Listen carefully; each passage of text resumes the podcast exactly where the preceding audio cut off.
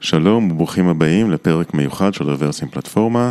זהו פרק שלא ככל שאר הפרקים האחרים. פרק זה הוקלט בכנס רוורסים 2018. האזנה נעימה.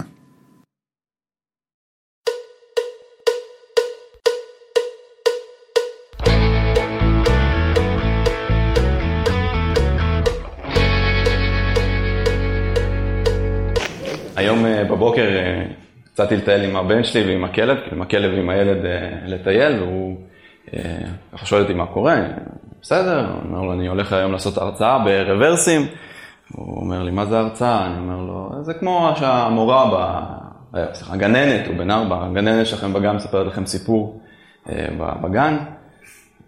מה אתה הולך לספר? עושה לו, אתה רוצה לשמוע? אומר לי, כן. אז אני כזה מתלהב על מי לתרגל. מספר לו את הסיפור, אחרי דקה וחצי אומר לו, מספיק, תדבר שם, תדבר שם, אז אני אדבר פה. אה, אני ולאד, אני מוביל את אחד מצוותי האפליקציה בארברן בקבוצת Engage. אה, Engage היא קבוצה שאחראית על מוצרים שאנחנו מספקים לפאבלישרים שלנו, לקוחות כמו CNN, Fox, בארץ יש לנו אתרים כמו מאקו, וואן ורבים אחרים. אנחנו אנשי הצוות הם אה, מפתחי full stack ויש לנו גם איש אוטומציה אחד, וה stack הטכנולוגי שלנו בנוי ב backend מקצת Kotlin, Java, Node, וב front אנחנו עושים Angular. אה, אני רוצה לספר לכם אה, סיפור. לפני שנה החלטנו ש Angular הוא framework מספיק יציב, עד אז היינו ב AngularJS, אפליקציה כבר שרצה כמה שנים, אפליקציה יחסית גדולה. והטלנו משימה לאחד המהנדסים שלנו בצוות, לעשות אה, מיגרציה. אז הוא ככה ישב, עבד, אה, בנה, עשה refactoring, ואחרי שבועיים הייתה לנו אפליקציה היברידית, מי שעשה את המעבר אולי מכיר, אפליקציה היברידית ב production. אה, כמה מספרים.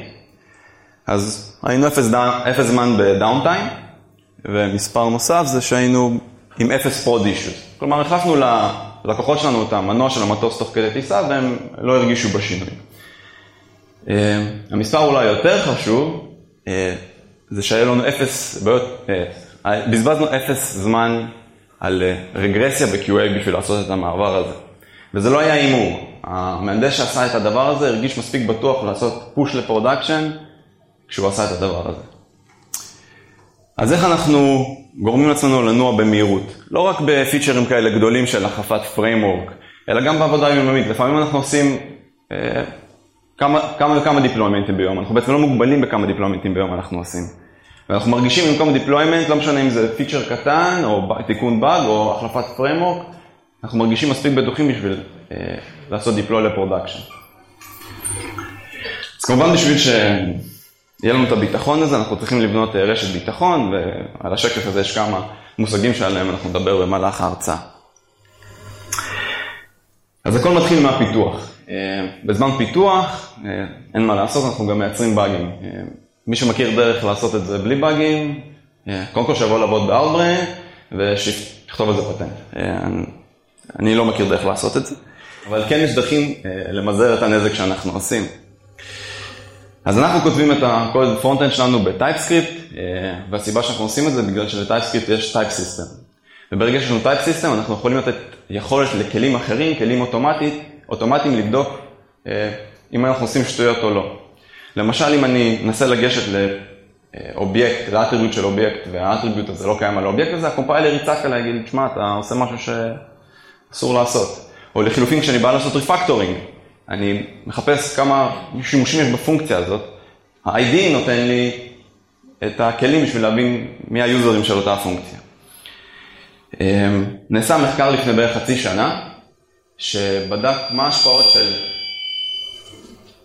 של type system על, ה, אה, על production ועל אה, האיכות של שלנו שאנחנו עושים, אה, מדלברים ל production, והם גילו שבערך זה מוריד 15% מהבאגים שלנו שאנחנו מדלברים ל production, ואני חושב שהמספר הזה הוא הרבה יותר גבוה. כשאני כותב עם טקסיס אני מרגיש הרבה יותר בטוח ומרגיש שאני מוצא הרבה יותר באגים.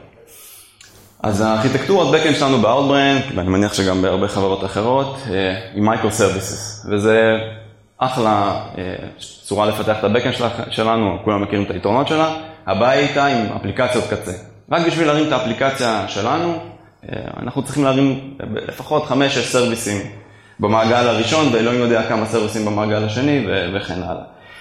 אז נניח וצלחתי את הבעיה הזאת, הצלחתי להרים את האפליקציה שלי, אולי בצורה לוקאלית על ה-local host שלי, או מול סביבת dev. אפילו אולי בשביל להציג איזשהו ליסט, אני צריך להתקן שתי טבלאות, אה, ארבע קסנדרות, ואולי גם איזה קפקא בדרך. זה הופך את המשימה הזאת לכמעט בלתי אפשרית. או שגם אם אני עושה את זה, מאוד קשה לי לייצר אה, מגוון. אני רוצה, במיוחד ב-UI, בואו נחשוב על זה רגע, אני בא להציג list, אז מבחינת ה server הוא מחזיר תשובה עם data. אם אני רוצה את אותו list אבל אין data, אז ה server מבחינתו זה בסדר, הוא מחזיר list ריק.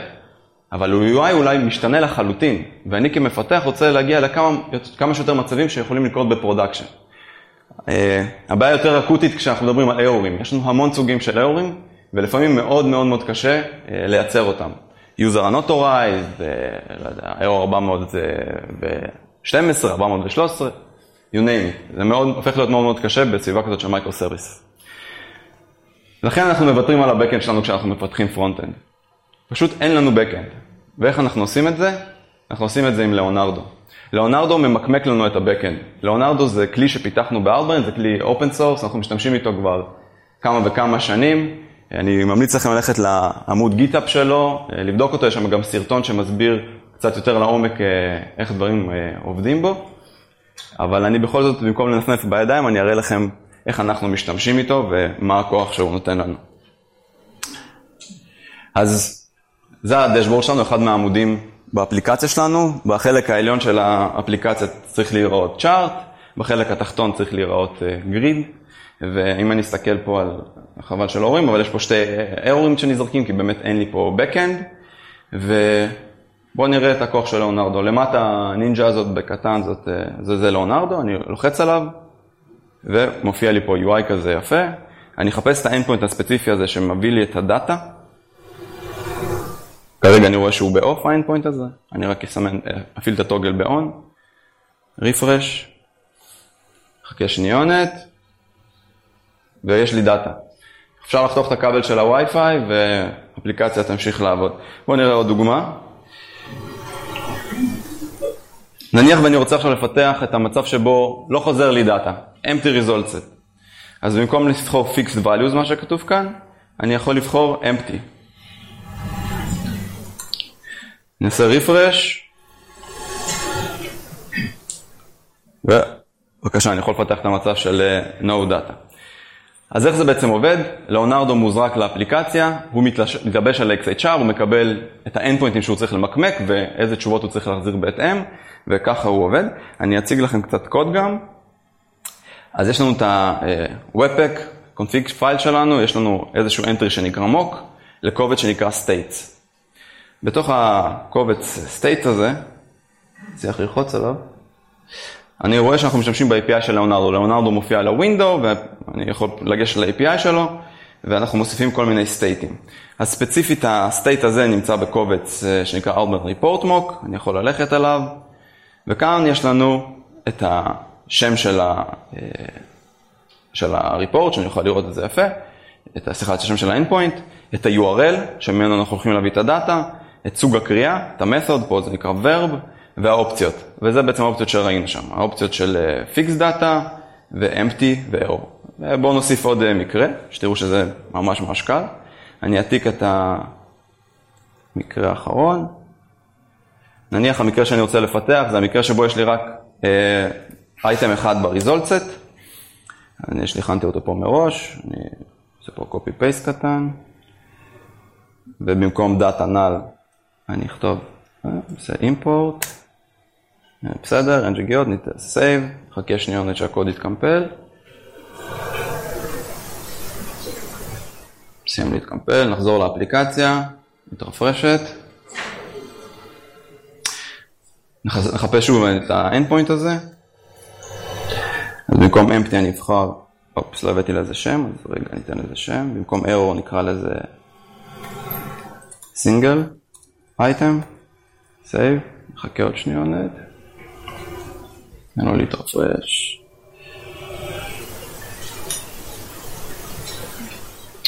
בוא נחפש אותו שוב, Outbrain, במקום empty נסמא את סינגל אייטם, Refresh.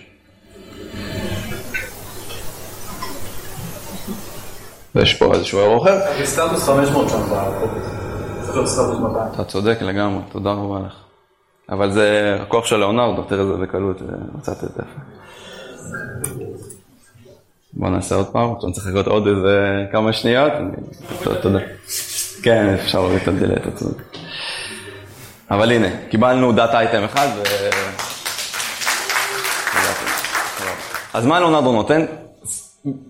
לנושא של ההרצאה הזאת הוא נותן לי את היכולת כבר בזמן פיתוח לדמות המון המון מצבים שיכולים לקרות ב production יחסית בקלות, אבל הוא גם נותן לי את היכולת אה, לעשות decoupling בין בעצם עבודת ה frontend שלי לעבודת ה backend. אני יכול להכניס שתי מפתחים, שאחד יהיה אמון על ה frontend, אחד על ה backend, לבקש מהם להיסגר על ה-API, ומי ששמע את ההרצאה של יונתן אתמול, לקוות ששתיהם יצאו חיים מהחדר, וברגע שהם סגורים על ה-API, כל אחד יכול ללכת לדרכו ולפתח במקביל את ה-API, ואז בואו נדבר קצת על אה, טסטים. אני מניח שהרבה מכם עושים טסטים, ומי שלא עושה טסטים חבל. אנחנו, נס... אנחנו בסוויטר שלנו יש לנו הרבה סוגי טסטים, אה, והרבה טסטים מכל סוג, ולכל טסט יש את החשיבות שלו בפאזל. אז סוג טסט הראשון זה יוניט טסט, אני מניח שרובכם מכירים את הסוג הטסטים האלה, הם מאוד מאוד לוקאליים, מאוד מאוד מהירים, מאוד מאוד יציבים, ואנחנו מנצלים את התכונה הזאת בשביל לבדוק יחידות אה, לוגיות, מודולים מאוד מסוימים. הבעיה איתם by design זה שהם לוקאליים. אני יכול להיות שהחדר מנועים שלי עובד כמו שצריך, הגשר בסדר, הספינה טובעת בהפלגה. בשביל זה באו ה-integration test או end-to-end tests. ה-end-to-end test אצלנו רצים בעזרת Protractor, שזה אימפלמנטציה של Node של WebDriver, Selenium, וכמובן רצים בדפדפן, והם בודקים לנו את האפליקציה בצורה הוליסטית. לא אכפת לנו איזה framework רץ מלמטה, אותנו מעניינים מה האינטראקציות שה user עושה ומה התגובות של האתר בהתאם. בגלל שהטסטים האלה רצים אצלנו בסביבת סימולטור, זה הופך אותם להיות מאוד לא יציבים. גם העובדה שהם רצים על דפ- דפדפן הופכים אותם להיות מאוד לא יציבים, אבל העובדה שהם רצים בסימולטור הופכים אותם להיות סופר לא יציבים. אז מה שאנחנו עושים בטסטים האלה, אנחנו בודקים רק את ה golden path. אנחנו רק בודקים אם אני צריך להציג list, אני אראה מה קורה רק במצב התקין, אני לא, אראה, לא אבדוק מה קורה במצב שיש לי איזשהו error. אני בעצם בודק את ה-API בין ה front-end שלי ל back-end. זאת המטרה העיקרית של הטסטים האלה. ובכל זאת אנחנו רוצים uh, לגרום לטסטים האלה, לתת לנו ביטחון, שאני, שהם, ש, שהם נותנים לי value. וברגע שהטסטים האלה פלאפים, אני מאוד מאוד מהר מאבד את האמון בהם, או שאני אתעלם מהם, או שאני אזניח אותם, ולא יכולנו להמשיך עם הפלאפינס של הסביבה הזאת, של הטסטים האלה, ולכן עשינו איזשהו פתרון שהוא היום נראה לנו טריוויאלי, אבל לקח לנו uh, זמן מסוים להגיע אליו. אז אנחנו מריצים את כל הטסטים ב Jenkins כמובן, במידה וכל הטסטים עברו, יאללה, יכולים להמשיך לעשות deploy ל production, במידה ולא, אנחנו אוספים את כל הטסטים שנפלו, מנסים להריץ אותם שוב. עברו, הלאה, production. במידה ולא, יש לנו שתי אופציות, או לתקן את הבאג כשיש באג, או לחילופין, לתקן את הטסט, להפוך את הסביבה יותר יציבה. הדבר הזה הקטין לנו את ה-false negative, את הארורים, מבערך 75% הצלחה בסביבה הזאת, ליותר מ-99%, וזה ממשיך, הולך וממשיך להתייצב, בגלל שאנחנו מטפלים בטסטים והופכים אותם ליותר יציבים. בכל זאת חשוב לנו לבדוק איך ה-UI שלנו נראה בכל מיני מצבים. ובשביל זה עשינו את ה-UI טסטים, אני מניח שזה מושג שאולי פחות, שאתם פחות מכירים, כי לפחות אני מקווה שהמצאנו אותו באלברן, או אולי יש חברות אחרות שעושות את זה וקוראות לזה אחרת. UI טסטים זה טסטים שרצים בסביבת מוק, בלי backend, ואם אמרתי מוק, אמרתי לאונרדו. בעצם אנחנו לוקחים את אותם סטייטים שהשתמשנו בהם בלאונרדו, כשפיתחנו, ובעצם אני יוצא טסטים שבודקים לי רגרסיה. אם בדקתי, אם כתבתי מצב שבו אני בודק איך נראה, נראית האפליקציה שלי עם אייטם אחד, אני מיד יכול לעשות בקלות לזה UI טסט עם אותו המצב. וזה כוח אדיר. אנחנו כל כך אוהבים את הטסטים האלה. הטסטים האלה איטיים, כי הם רצים, עוד פעם, לא אמרתי את זה, אבל הם רצים ב, גם בפרוטרקטור, על גבי דפדפן, ומטבעם, שהריצה שלהם מעל דפדפן, הם איטיים. והאיטיות הזאת עולה לנו. יש לנו כל כך הרבה טסטים מהסוג הזה, יש לנו בערך 600 טסט uh, קייסים, הם רצים שעה וחצי אם אני שם אותם פר, uh, לרוץ בטור. זה זמן שאנחנו לא מוכנים לסבול בדרך ל production, זה too much time. האיש האוטומציה שלנו לפני בערך חצי שנה, uh, ביקשנו ממנו לראות איך אנחנו יכולים לפתור את הבעיה הזאת, התחיל לחקור, uh, בדק, חקר, מצא פתרון שנקרא Zalenium. אז מה זה Zalenium? Zalenium זה איזשהו server, Zalenium server שיודע לעשות distribution של טסטים על גבי קונטיינרים. אז למה בכלל מלכתחילה אני צריך קונטיינרים? לאפליקציה שלנו יש state, ואת ה state לפעמים אנחנו שומרים ב local storage. אם אני מריץ טסט במקביל, ואפשר להריץ טסטים במקביל ב Protractor, ה state הזה יכול להידרס. ולכן היינו צריכים לעשות isolation של הדפדפן באיזשהו קונטיינר. יותר מזה, לאונרדו עצמו משתמש ב local storage כדי לשמור על ה state. אז היינו חייבים לעשות את זה, לעשות, לעבור, להעביר את זה לקונטיינרים. Zalenium בדיוק בא לפתור את הבעיה הזאת. הוא מריץ קונטיינרים, שעליהם יש דפדפנים, הוא זורק על, על גביהם את הקבצים של הטסטים, הטסטים רצים, מדווחים בחזרה ל Zalenium אם הטסט הצליח או לא, ובחזרה ל Jenkins ואנחנו מקבלים report. הצלחנו להקטין את זמן הריצה משעה וחצי ל-20 דקות ב scale. למה ב scale? כי אני, יש לי עוד, עוד טסטים, אני אוסיף עוד קונטיינר ואני ממשיך הלאה. visual test. visual test זה טסטים שעושים השוואת תמונה. לוקחים מצב תקין, לוקחים מצב נתון, בודקים, אם יש diff, הטסט נופל. מתי זה, מתי זה, מתי בעצם באים טסטים כאלה טובים לנו? הם טובים לנו ברגע שאנחנו באים לבדוק גרפים. מאוד מאוד לא טריוויאלי לבדוק גרף. אני יכול לבדוק את ה-SVG של הגרף, אבל זה נראה לי לא כל כך טריוויאלי, ואני יכול לעשות השוואת תמונה ביניהם. וזה עובד, עובד מצוין. אנחנו משתמשים בכלי שנקרא Applitools זה איזשהו uh, סטארט-אפ ישראלי שמפתחים את הכלים האלה, אולי גם שמעתם עליו.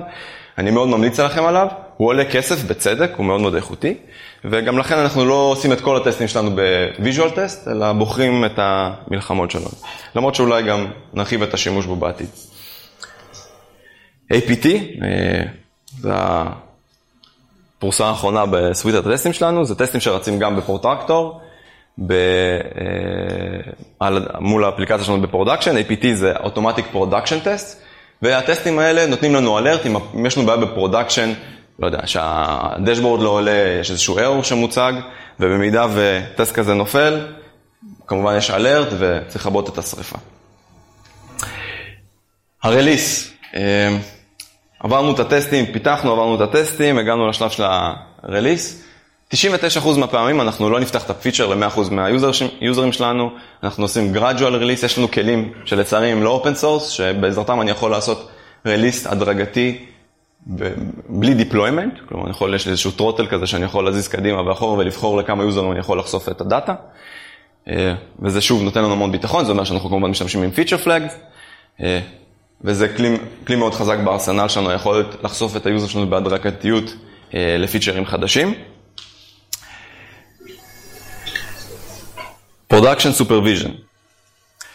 אחרי שעשינו deployment, הפיצ'ר אז ב production, אנחנו צריכים לנטר ולהבין איך היוזרים שלנו אה, חווים את האפליקציה שלנו. אז הכלי הראשון שלנו בארסנל זה כמובן אה, analytics, אני מניח שרובכם מכירים אותו. אנחנו לא נשתמש איתו בשביל לעשות monitoring, אבל אנחנו נבדוק איך היוזרים שלנו אה, עושים adoption לפיצ'רים חדשים. איך הם מתנהלים עם הפיצ'רים החדשים, אולי שווה לפתוח יותר את הפיצ'ר, פחות, אולי אנחנו נגלה שפתאום הם חווים איזה חוויית UX רע, ונוכל לעשות rollback. Uh, uh, אז בשביל זה יש לנו Google Analytics, Track.js, מי שלא מכיר, Track.js זה גם אפליקציית, או service צד שלישי, שמה שנותן לנו, הוא נותן לנו monitoring על ארורים שקורים ב production, ויותר מזה נותן לי stack trace מבחינת פעולות שהיוזר עשה עד שהוא קיבל את הארור. אנחנו גם יכולים לראות מהר מאוד ספייקים, אם פתאום יש לנו spike בכמות הארורים, אז אנחנו נוכל לזהות אותו ולטפל בו. ו-APT שדיברתי עליהם, הטסטים האלה שדיברתי עליהם לפני כן. אז מה ה-value? בואו בוא נודה, להחזיק כזאת תשתית של dev, ויש לנו כמובן CI/CD, וטסטים מכל כך הרבה סוגים, וזה גם לפעמים עולה לנו כסף. מה ה-value שזה נותן לנו? זה לא, לא טריוויאלי להחזיק כזאת סוויטה של טסטים. אז יש פה שתי value שאני יכול לחשוב עליהם, שתי, שתיים עיקריים. אחד זה ל product. אני יכול לבוא ל product manager שלי ואני יכול להגיד לו שאל תפחד, אנחנו יכולים ל release פיצ'רים חדשים באיזה קצב שאתה רוצה, ואף אחד לא יכול לבדוק את, ה, את הפיצ'ר הזה יותר טוב, מה, לפחות רגרסיה, מהסוויטה שיש לנו. אז זה נותן לו המון ביטחון ונותן לנו, לא, אתה יכול לתת לנו זמן לפתח ולהשקיע בתשתית הזאת. אבל ה-value הנוסף שלנו כ-engineer שזה נותן, זה יכול להיות להמשיך קדימה בטכנולוגיה. אני רוצה לאמץ טכנולוגיה חדשה, בלי כזה safety net, אני כנראה לא הייתי כל כך בקלות מחליף framework. לא הייתי עושה אולי 5, 6, 7 deployments ביום. אז זאת הסיבה שאנחנו מחזיקים כזאת סוויטה של אה, טסטים ו safety net. אה, זהו, תודה רבה. אם יש מישהו שאלות, כן. אתה יכול להסביר קצת יותר על המעבר שלכם בין Angular JS ל Angular? מה בדיוק עשיתם בשבוע? זה לא, אז זה מה שאמרתי שהייתה לנו אפליקציה, בסוף השבועיים הייתה אפליקציה שהיא היברידית.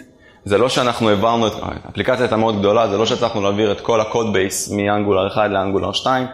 אנחנו רק עכשיו מגיעים למצב, אחרי שנה מגיעים למצב שבו אנחנו מצליחים לנתק את הקומפוננטות האחרונות, זה אפילו הראוטר, שאנחנו מצליחים להוציא אותו מהאפליקציה.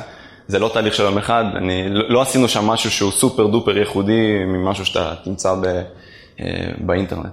זה לא היה נושא ה talk, העניין היה שזה היה משהו מאוד מרכזי שלא חששנו לעשות.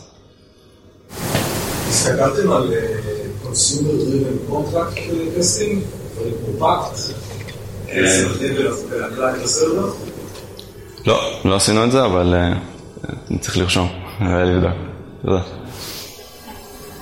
שקלתם או אלו או משהו כזה ש... אז הסיבה שבחרנו TypeScript, וזה מה שרציתי להגיד בהרצאה, אבל מההתרגשות כנראה ברח, TypeScript זה לא, לא, זה לא חייב להיות TypeScript, זה יכול להיות Kotlin, ויכול להיות Scala, היום כל שפה שמכבדת את עצמה יש לה interpreter מה native שלה ל JavaScript. הסיבה היא שאתם, ההמלצה שלי לפחות אליכם זה לבחור שפה שהיא עם type system, שתעזור לנו למצוא באגים הרבה לפני production. איך אתם בודקים אה, בדיקות קצה לקצה, שבעצם אה, ה server משנה או מציג כמה סטייטים בתפעול, ובעצם מייצרים את הסיפור? עוד פעם? אני לא, לא בטוח ש... לפעמים אני מפעיל איזשהו UI, אני יודע לבדוק אותו כל פעם, לזרק לו איזשהו mock ולדעת מה אני מצפה. אבל לפעמים אני רוצה לעשות על זה כמה פעולות, וכתוצאה מכמה פעולות אני אקבל עכשיו state חדש, שאותו אני רוצה. אז קודם כל Leonardo הוא כלי מאוד חזק ולא נכנסתי אליו ומדברים עליו בהרצאה. אתה יכול גם להגדיר לו פונקציות. אתה יכול להחזיר לו mock סטטי כמו שאני עשיתי בדוגמה הזאת, אתה יכול להגדיר לו פונקציה. אם אנחנו נצטרך נעשה את זה דרך לאונרדו, אם אני אעביר איזשהו פרמטר אולי שהפונקציה תדע לקבל את הריקווסט, ובהתאם לזה להגיב לסנאריוז מסוימים. כן. כן. דיברת על שאתם מריצים את הטסטים בדרטיפן, פעמיים בג'נקינס, כי יש מצב שבפעם ראשונה הם נופלים. נכון. מהניסיון שלך, כן. באמת פעמיים, רוב הפעמים, אה, פעמיים מספיקות, כלומר, זה נפל פעם ראשונה, ולא היה תקלה, פעם השנייה זה יעבור. אז מה שאנחנו עושים, אנחנו לוקחים בהתחלה היה ניסיון אה, כושל, אה, הרצנו את כל הסוויטה פעמיים, ואז יש סיכוי שהטסט אחר נפל, וזה באסה. אז מהניסיון, מהניסיון שלנו, רוב השגיאות הן לא בגלל שאיזשהו סרוויס נפל בקצה, אלא כי אולי הוא ענה קצת יותר לאט, ואז ריצה נוספת אה, תקנה את הטסט. אז זה מאוד עיצב, כאילו, כמו שאמרתי, ממצב שבו 75% הצלחה, הגענו למצב של 99% הצלחה פלוס. יכול להיות שתפספס איזה משהו ספורדי כזה? אם אתה מעביר את הריצה שנייה, כאילו שהריצה הראשונה קרה משהו ספורדי, וזה באג, אתה יודע, מהבאגים המעצבנים, mm-hmm. ותפספס את זה בגלל שהריצה שנייה עברה. כאילו זה לא משהו ש... יכול להיות, אבל זה סיכון שאני מוכן לקחת בשביל ה-80-20, אז אני אתפוס 80% מה... זה, בפועל, כאילו זה לא קורה יותר מדי, אבל אני, אני מוכן לחיות עם הסיכון הזה, אה, בשביל להיות קצת יותר יציב ולסמוך על ה... אה, רשת ביטחון שלי. אז יש לך רשת ביטחון די גדולה, ואז מה חסר לי לכל הרשת הזאת, זה שאיך אתם יודעים אם לא יצרתם רגרשן בביצועים, בעיקר של הבקר, כאילו, אה, נקודה טובה, ההרצאה הזאת התמקדה בעיקר על אה, ה front-end, אבל ממש בדיוק הרמת לי להנחתה, בימים אלה אנחנו מוסיפים עוד טסט ל suite הזאת, זה יותר ל suiteת backend, של לבדוק באמת אם אין לנו גם אה, פגיעה בביצועים, אבל זה נושא ל Reversim הבא. כן.